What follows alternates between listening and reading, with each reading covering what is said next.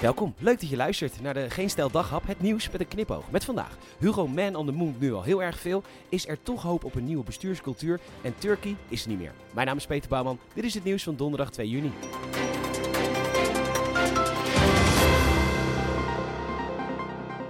Als Hugo de Jonge iets wil, dan zegt hij dat. Ja, en of dat dan gebeurt of kan. In de pandemie gebruikte deze man de man on the moon strategie heel erg gretig. En dat kwam het volk best wel vaak op teleurstellingen te staan. Under promise, over deliver, dat vindt Hugo de Jonge helemaal niks. Nee, waterpomp verplicht, maar dat kunnen mensen helemaal niet betalen. En bovendien zijn er te weinig installateurs, maakt niet uit, verplicht. Vandaag ook. Alle daklozen krijgen een huis. Maar er zijn helemaal geen huizen. En bijbouwen mag niet, want stikstof. En als ze er al wonen is gas onbetaalbaar. En meer gas mag niet, want Groningen. En een warmtepomp kunnen deze mensen al helemaal niet betalen. En bovendien is de energietoeslag al lang opgegaan aan drank en drugs. Boeit niet, alle daklozen krijgen een huis. Maar die grote woorden en beloftes, die stuiten dus nu op kritiek binnen de coalitie. Want de jongen wil dat gemeenten niet 9%, maar 12,5% van hun woningen aan statushouders toekennen. Iets wat best wel even besproken had mogen worden tijdens de coalitieonderhandelingen. Want de VVD is het hier totaal niet mee eens. En ze laten dat weten ook bij monden van VVD-Kamerlid Peter de Groot die dat zei. Ja, wel lullig. Ja, in zo'n filmpje waar je dan als mens zeg maar loopt richting de camera en de camera dan naar achter gaat. Dus de cameraman die loopt dan zo achteruit, zo heel lullig, door een straat in iets van wat lijkt op Port Portugaal of Maarsen, zoiets. Oh, en dan moet die cameraman ook nog gehurkt achteruit lopen. Want die Peter die kijkt een beetje naar beneden, zo al lopend. of het is een hele kleine cameraman of vrouw. Dat kan natuurlijk ook. Maar goed. De eerste scheurtjes in de coalitie dienen zich aan en dat op een onderwerp waar je eigenlijk helemaal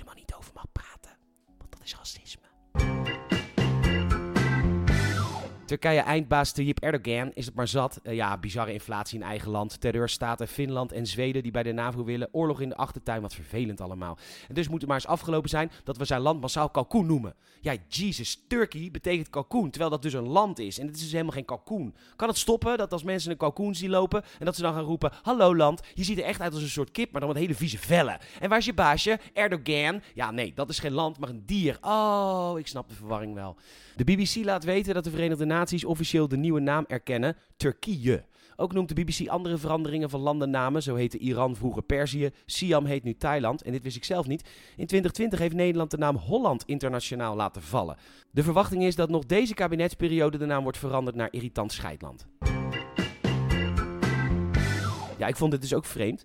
Die spaartax die was onrechtmatig. Dat heeft de rechter beslist. Maar als je zelf niet actief bezwaarmaker was bij die rechtszaak, dan krijg je geen compensatie. Terwijl die spaartax was onterecht. Dan is die onterecht voor iedereen die die spaartax heeft betaald, zou je zeggen. Nou nee dus. De wet geldt voor iedereen, een rechterlijke uitspraak niet. En dit komt, al dus ChristenUnie-Kamerlid Pieter Grinwis, door een sneaky wetswijziging uit een belastingplan in 2016, die bepaalde dat mensen niet meer mochten meeliften op massaal bezwaarprocedures.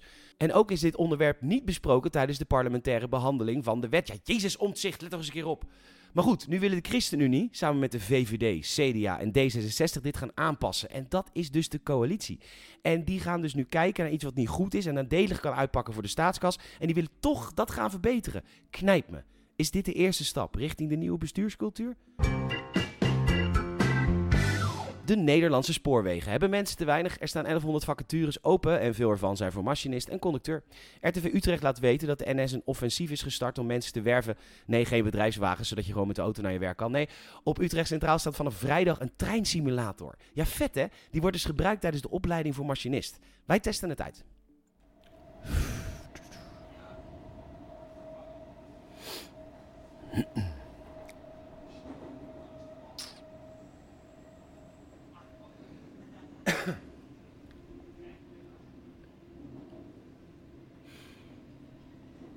Deurtje dicht hoor, wacht.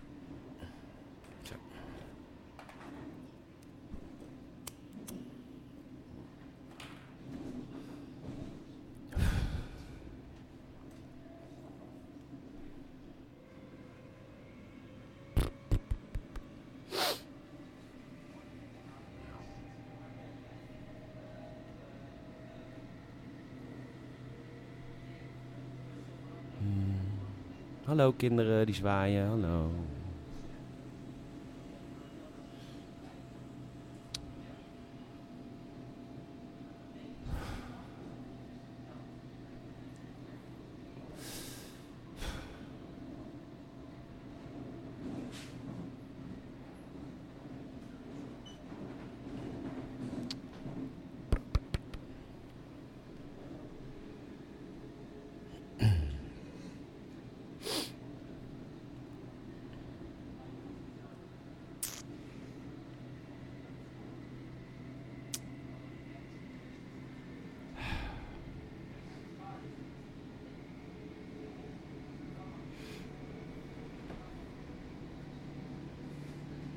Wat is het? Jee, moet ik nog 7 uur en 58 minuten? Nee. Bedankt voor het luisteren. Je zou ons enorm helpen. Mond-tot-mond reclame. Vertel even een vriend of vriendin of familielid over deze podcast. Je kan een Apple Podcast review achterlaten. Alsjeblieft, 5 sterren komen hoger in al die algoritmes. En dat geldt ook voor Spotify. We staan er goed voor. Dus uh, bedankt daarvoor. En bedankt voor het luisteren. En tot morgen.